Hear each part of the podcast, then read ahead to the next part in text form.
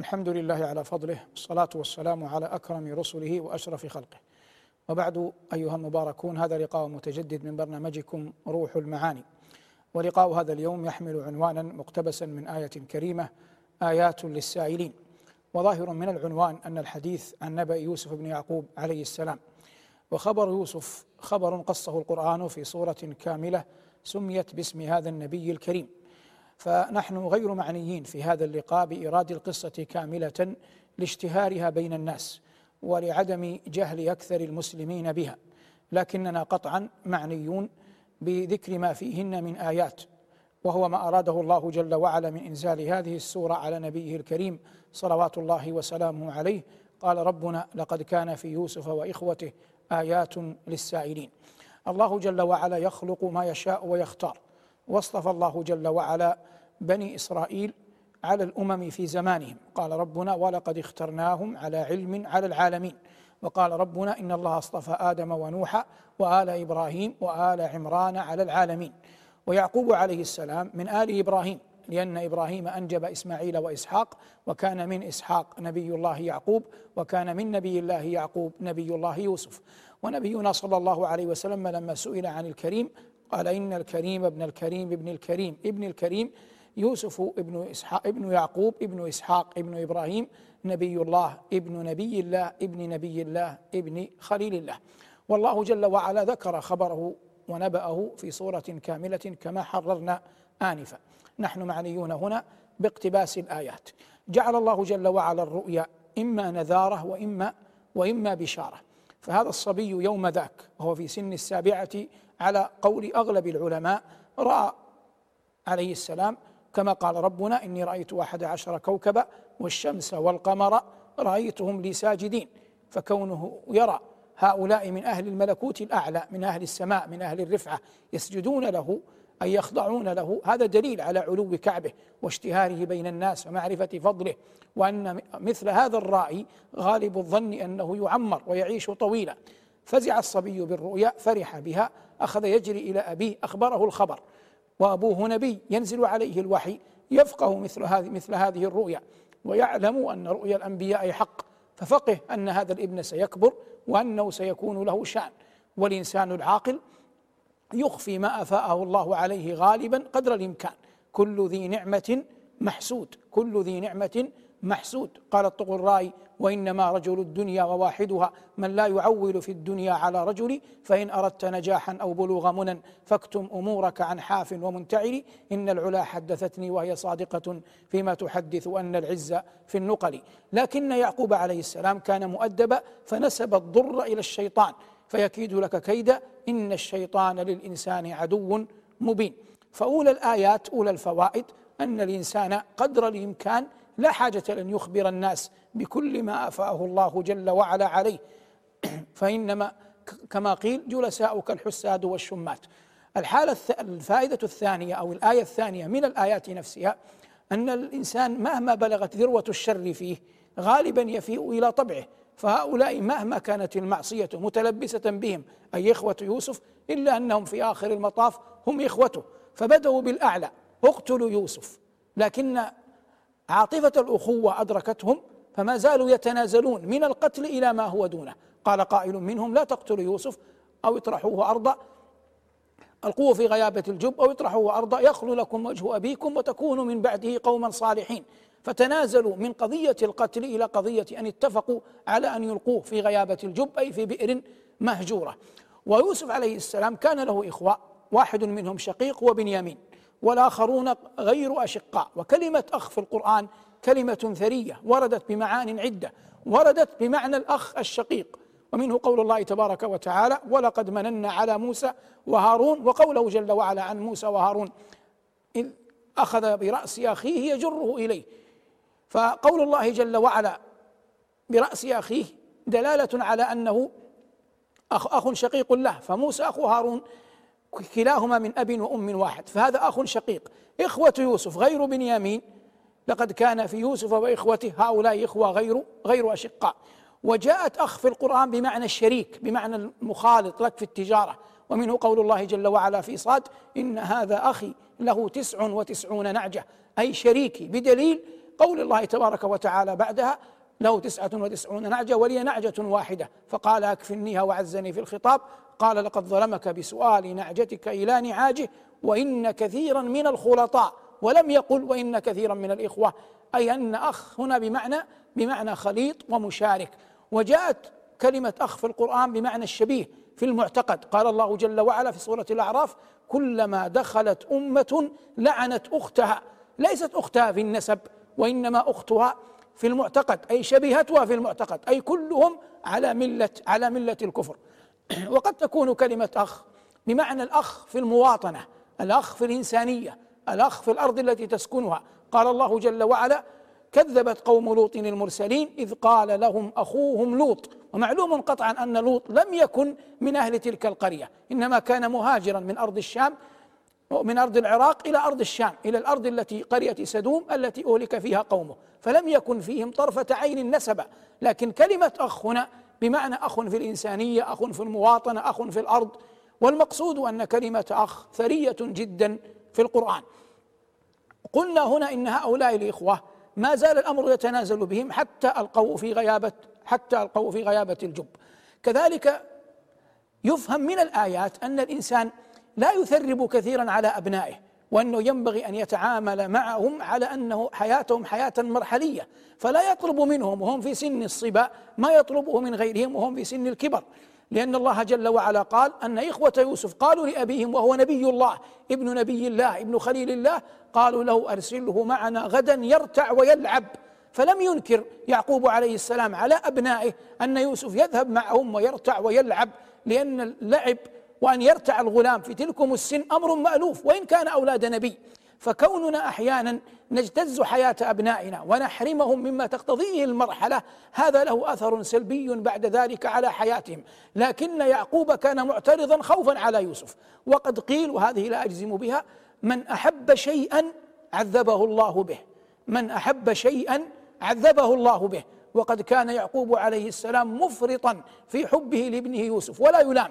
لكنه مع ذلك ابتعد عنه فوجد من الأسى والحزن كما هو ظاهر الصورة كل ذلك كمدا وحزنا على يوسف حتى قال إنما أشكو بثي وحزني إلى الله وأعلم من الله ما لا ما لا تعلمون. كذلك دلت السورة على أن الإنسان إذا وضع نفسه في موضع تهمة أو جرب عليه عمل غير صالح فلا يلام أن يساء الظن فيه بعد ذلك. ولا يعتبر إساءة الظن فيه تهمة أو إساءة الظن فيه قدح لأن الله جل وعلا قال وجاءوا على قميصه بدم كذب. قال بل سولت لكم أنفسكم أمرا فصبر جميل والله المستعان على ما تصفون. فهم ها هنا كانوا مخطئين جدا. كذبوا على أبيهم وجاءوا بدم كذب وجاءوا ليلا يبكون يتظاهرون بالحزن والأسى على أخيهم. بعد سنين قالوا لأبيهم في قصة بنيامين بعد أن ظنوا أن يوسف هلك قال لهم أبوهم هل آمنكم عليه إلا كما أمنتكم على أخيه من قبل؟ فالله خير حافظا وهو أرحم الراحمين. فاتهام يعقوب لهم في المرة الثانية كان مبنيا على المرة الأولى رغم أنهم في المرة الثانية لم يفرطوا كانوا صادقين.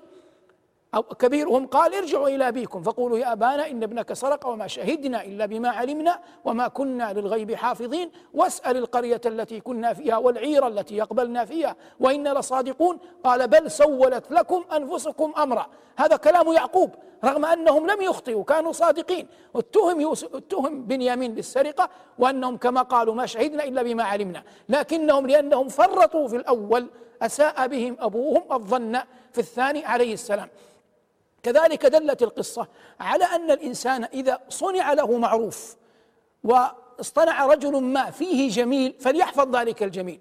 فإن الذي اشتراه من أهل مصر قال لزوجته أكرمي مثواه عسى أن ينفعنا أو نتخذه ولدا. لما فتنت امرأة العزيز بجمال يوسف وقد آتى الله جل, جل وعلا يوسف جمال الظاهر وجمال الباطن وراودته عن نفسه. قال الله جل وعلا وغلقت الأبواب وقالت هيت لك قال معاذ الله. إنه ربي. كلمة ربي هنا ليس مقصود بها الله جل جلاله. ربي أي سيدي أي صاحب الدار أي رب الدار أي سيدي لأنه كان مملوكا عنده. إنه ربي أحسن مثواي. يوم أن قال لك أكرمي مثواه كنت أسمع. فعرفت أن هذا تلطفا وكرم وتلطف وكرم منه وكرم منه. فحفظه يوسف له لأن الأنبياء أحرار أوفياء مهما كان حالهم. أوفياء مع من يصطنع لهم الجميل ومع غيرهم. فقال لزوج فقال لمن؟ راودته عن نفسه معاذ الله إنه ربي أحسن مثواي إنه لا يفلح الظالمون. ثم قال الله جل وعلا عنه كذلك لنصرف عنه السوء والفحشاء. السوء العشق والفحشاء الزنا. السوء العشق والفحشاء الزنا. وإذا أراد الله بعبد خيرا جنبه كل المهلكات. ومن أعظم المهلكات إما أن ينطق الإنسان بالعوراء أو أن يأتي الإنسان بالفحشاء. إما أن يكون قد اعتاد الكلام البذيء عياذا بالله من ذلك كله أو أن يأتي طرائق الحرام. فلما كان يوسف نبي وأي نبي وكريم وأي كريم من أسرة مباركة طيبة قال الله جل وعلا عنه كذلك لنصرف عنه السوء والفحشاء إنه من عبادنا المخلصين. كذلك دلت السورة على أن كيد النساء عظيم. وأن المرأة في الغالب إذا كادت تغلب وتظفر. وكيد النساء له ظاهر وله باطن. فإن المرأة لما راودته عن نفسها وأبى عليها شاع ذلك في البلدة. ولم يكن اعتراض النساء في البلدة على أن امرأة العزيز تعلقت بيوسف لكونه رجل. وإنما كان اعتراضهم كيف تتعلق سيدة من طبقة راقية. وامرأة لعزيز مصر بغلام مملوك غير حر يعمل عندها. المقصود هنا اختلاف الطبقة. قال الله جل وعلا وقال وقال نسوة في المدينة امرأة العزيز تراود من؟ تراود فتاها عن نفسه. قد شغفها حبا إنا لنراها في ضلال مبين. قال الله جل وعلا فلما سمعت بمكرهن أرسلت إليهن وأعدت لهن متكأ. وآتت كل واحدة منهن سكينا فهي بعثت إليهن لا لتكرمهن كما هو ظاهر في الصنيع أنها قدمت لهم متكئا وأعدت وأعدت لهن متكأ وقدمت لهن فاكهة يتفكهن بها وأتتهن الاله أي السكين في ذروة انشغالهن قالت كما قال الله جل وعلا اخرج عليهن. فلما رأينه أكبرنه وقطعن أيديهن وقلن حاشا لله ما هذا بشرا إن هذا إلا ملك كريم.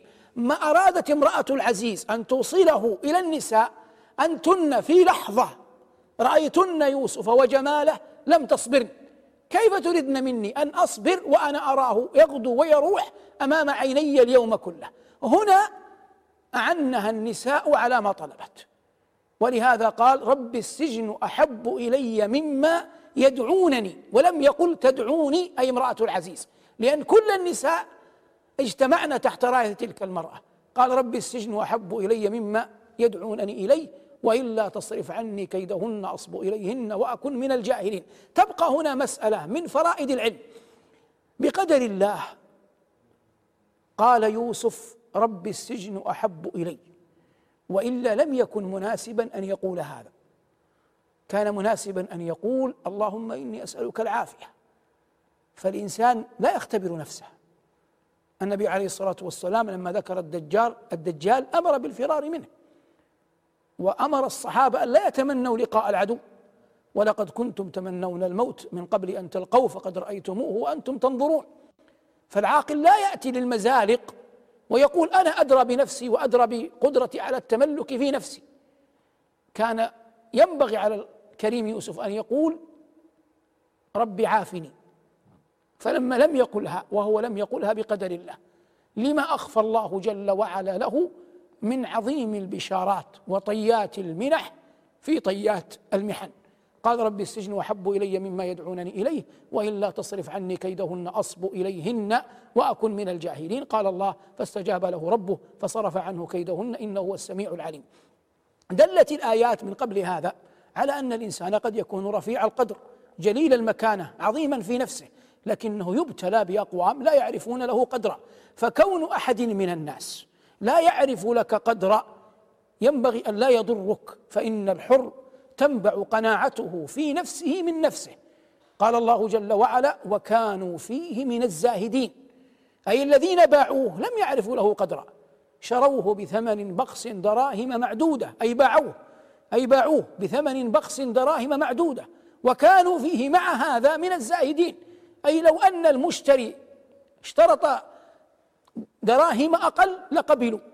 وهذا من جهلهم لكنه لا يضرك نبي الله وصفيه يوسف بن يعقوب عليه السلام.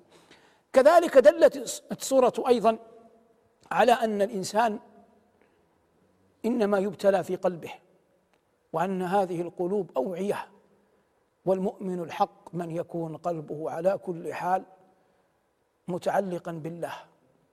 إن كان في المسجد أو إن كان في أقصى الأرض. أيا كان حالك فراشك وطاؤك صاحبك من حولك من حولك.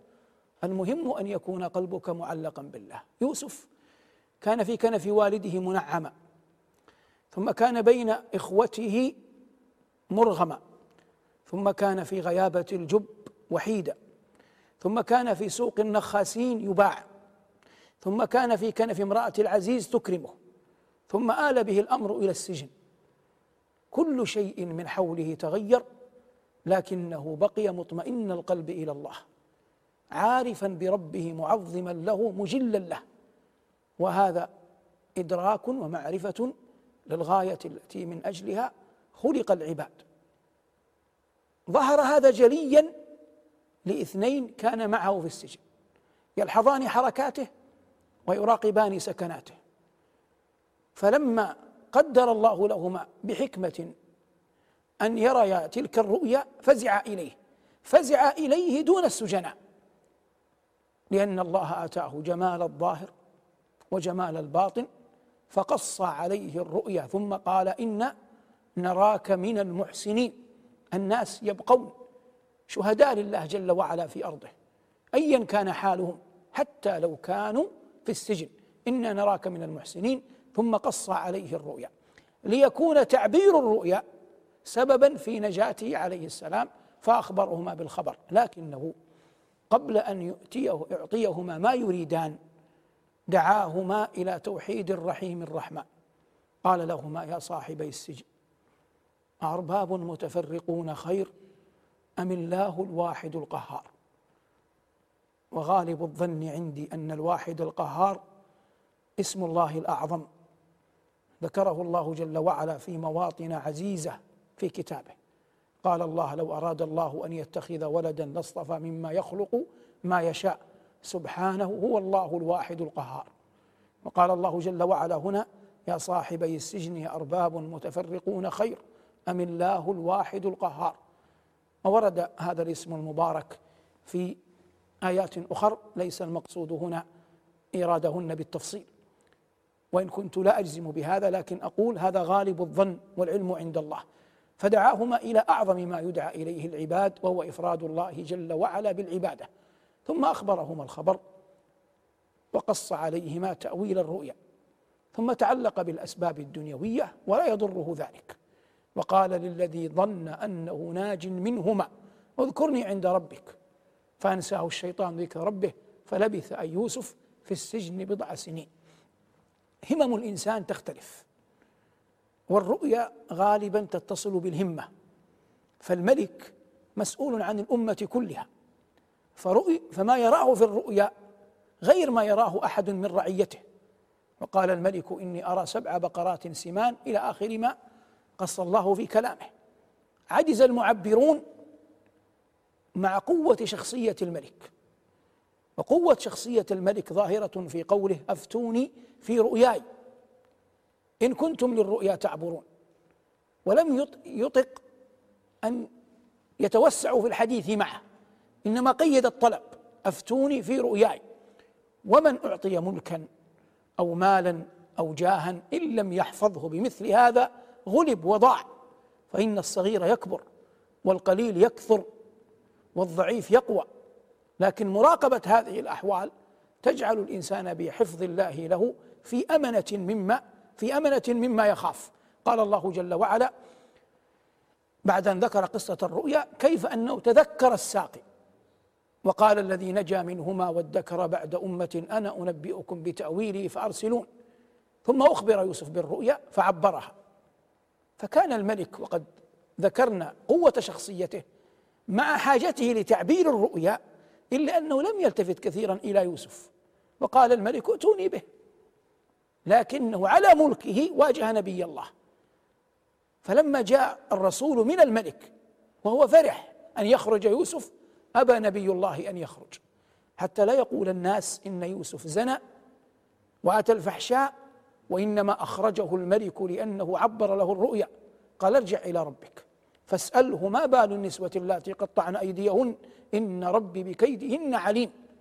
فلما رجع إلى الملك وتبين للملك صدقه وتبين للملك صدقه بعد ذلك تغيرت تغير خطاب الملك معه وقال الملك ائتوني به أستخلصه لنفسي. لا أعامله معاملة سجين قد أطلق أنا مننت عليه بأن أطلقته. الأمر اختلف. وهذا يدلك على أنه في الغالب عقل الرجل أكمل من عقل المرأة. عقل الرجل أكمل من عقل المرأة. لأن الملك قال فلما كلمه قال إنك اليوم لدينا مكين أمين. لما جاءه يوسف وتكلم معه وعرف عقل يوسف قال له إنك اليوم لدينا مكين أمين. في حين أن النساء فتن بيوسف لمجرد ظاهره. فإن اصبن في يوسف أن باطنه مثل ظاهره فلن يصبن في كثير ممن يرونه ظاهر الجمال. ليس الجمال بمئزر فاعلم وإن رديت بردا إن الجمال معادن ومناقب اورثنا حمدا. وقد يورث الإنسان جمال الظاهر والباطن فإن جرير بن عبد الله البجري كان يوسف هذه الأمة. قال عليه الصلاة والسلام يخرج عليكم من هذا الفج خير ذي يمن عليه مسحة ملك. مسحة ملك كناية عن الجمال. نعود إلى يوسف عليه السلام. فلما رجع قال له يوسف اجعلني على خزائن الأرض إني حفيظ عليم. فأورثه الله جل وعلا خزائن الأرض. دون غيرها من المناصب لأن غيرها من المناصب لن يكون سبيلا في أوبة إخوته إليه. أما خزائن الأرض فالكل يحتاجها وهذا كله بقدر الله. وفضله على هذا النبي الكريم يوسف بن يعقوب ابن إسحاق ابن إبراهيم. أصاب الضر يعقوب وبنوه. أصاب الضر يعقوب وب... أصاب الضر يعقوب وبنيه. فبعث يعقوب بنيه إلى يوسف وهو لا يعلم أنه يوسف. دخلوا عليه. قطعا عشرة سيعرفون إن أخطأ في أحدهم لن يخطئ في الآخر. لكنهم لم يدر بخالدهم. وأيا كانت قوة ذاكرتهم. فحتى يقضي الله أمره لن ينتبهوا إليه. قال ربنا وهم له منكرون. من أعظم الفوائد أن الناس لا يمكن أن تساس إلا بالترغيب والترهيب. فإن من آمنك على كل حال تمرد عليك ومن خافك على كل حال أيس منك. فلهذا جمع يوسف عليه السلام في خطابه لإخوته ما بين الترغيب والترهيب. قال في الترهيب فإن لم تأتوني به فلا كيل لكم عندي ولا تقربون. وقال في الترغيب ألا ترون أني أوفي الكيل وأنا خير المنزلين؟ فجعلهم ما بين الخوف والرجاء ما بين الطمع والرهبة فوقع حدثه حقا. ثم بعثوا عادوا إلى أبيهم أخبروه بالخبر. وطلبوا منه بنيامين وبعد أخذ وعطاء كما دل عليه القرآن عاد بنيامين معهم. قال لهم الأب يا بني لا تدخلوا من باب واحد. وادخلوا من أبواب متفرقة. قال الله بعدها إلا حاجة في نفس يعقوب قضاها. ذهب جمهور العلماء إلى أن يعقوب خاف على أبنائه من العين. وعندي أن هذا بعيد. لو كان يعقوب في قوله لأبنائه يا بني لا تدخلوا من باب واحد وادخلوا من أبواب متفرقة يخشى على أبنائه العين لقالها في الأول. منذ أن خرجوا من عنده. لكن قالها في التالي. ولماذا قالها في التالي؟ مصر آنذاك كان لها أبواب. وهذه الأبواب لها حرس. وتقفل تغلق في وقت معين. فيعقوب عليه السلام عرف أنه يمكن له لأبنائه أن يدخلوا أول مرة دون أن يلحظهم أحد دون أن يثيروا ريبة. لكنهم يعودون إلى الشام. ثم يعودون هم أنفسهم. قد زادوا واحدا ودخلوا البلدة. هذا يثير الريبة عند حرس الأبواب وربما رفع أمرهم إلى الملك فتضرروا. فأمرهم بالتفرق حتى لا يلحظ الحارس الأول أنهم قد مروا قد مروا عليه. ثم توالت الأحداث حتى علمه الله أن يجعل الصواع في رحل أخيه الأصغر. ثم أخذ ينقب ورد أنه كلما فتح متاع أحدهم قال استغفر الله مما رميتكم به استغفر الله مما رميتكم به. حتى وصل إلى بنيامين قال أما هذا صغير لا أظنه أخذ شيئا. قالوا لا افتح متاعه كما فتحت متاعنا. قال ربنا فبدأ بأوعيتهم قبل وعاء أخيه ثم استخرجها من وعاء أخيه كذلك كدنا ليوسف ما كان ليأخذ أخاه في دين الملك إلا أن يشاء الله وفوق كل ذي علم عليم. ثم آل الأمر أن كشف اللثام عن نفسه وأبان لهم عن شخصه. أنا يوسف وهذا أخي. ثم أعطاهم القميص. لما خرجت القافلة قال ربنا ولما فصلت العير يعني انفكت خرجت من أرض مصر إلى أرض الشام. قال أبوهم إني لأجد ريح يوسف. من كان عزيزا على الله أخدمه الله خلقه. جاءت الريح إلى ربها تستأذنه. أن تحمل ريح يوسف إلى يعقوب قبل أن قبل أن يأتيه البشير. حتى تكسب عملا صالحا تقدمه إلى يعقوب لمكانة يعقوب عند الله جل وعلا. فالوصول إلى المراد يكون بالانكسار بين يدي رب العباد جل جلاله. فالخلق خلقه والأمر أمره والملك ملكه. ثم تحققت الرؤيا قال الله ورفع أبويه على العرش وخروا له سجدا وقال يا ابت هذا تأويل رؤياي من قبل قد جعلها ربي حقا وقد أحسن بي اذ أخرجني من السجن وجاء بكم من البدو تلطفا مع إخوته قال من بعد أن نزغ الشيطان بيني وبين إخوتي إن ربي لطيف لما يشاء إن ربي هو العليم الحكيم ثم أصابه الشوق إلى لقاء أرحم الراحمين قال ربي قد آتيتني من الملك وعلمتني من تأويل الأحاديث. فاطر السماوات والأرض أنت ولي في الدنيا والآخرة. توفني مسلما وألحقني بالصالحين. كل ما سلف كان غيبا. ما كان لرسول الله صلى الله عليه وسلم أن يقوله من تلقاء نفسه. ولهذا أخبره الله جل وعلا عنه. ذلك من من أنباء الغيب نوحيه إليك. وما كنت لديهم إذ أجمعوا أمرهم وهم يمكرون. وما أكثر الناس ولو حرصت بمؤمنين. هذا ما تهيأ إراده وأعان الله على قوله في هذا اللقاء المبارك من برنامج روح المعاني. نسأل الله لنا ولكم التوفيق وصلى الله على محمد وآله والحمد لله رب العالمين. والسلام عليكم ورحمة الله وبركاته.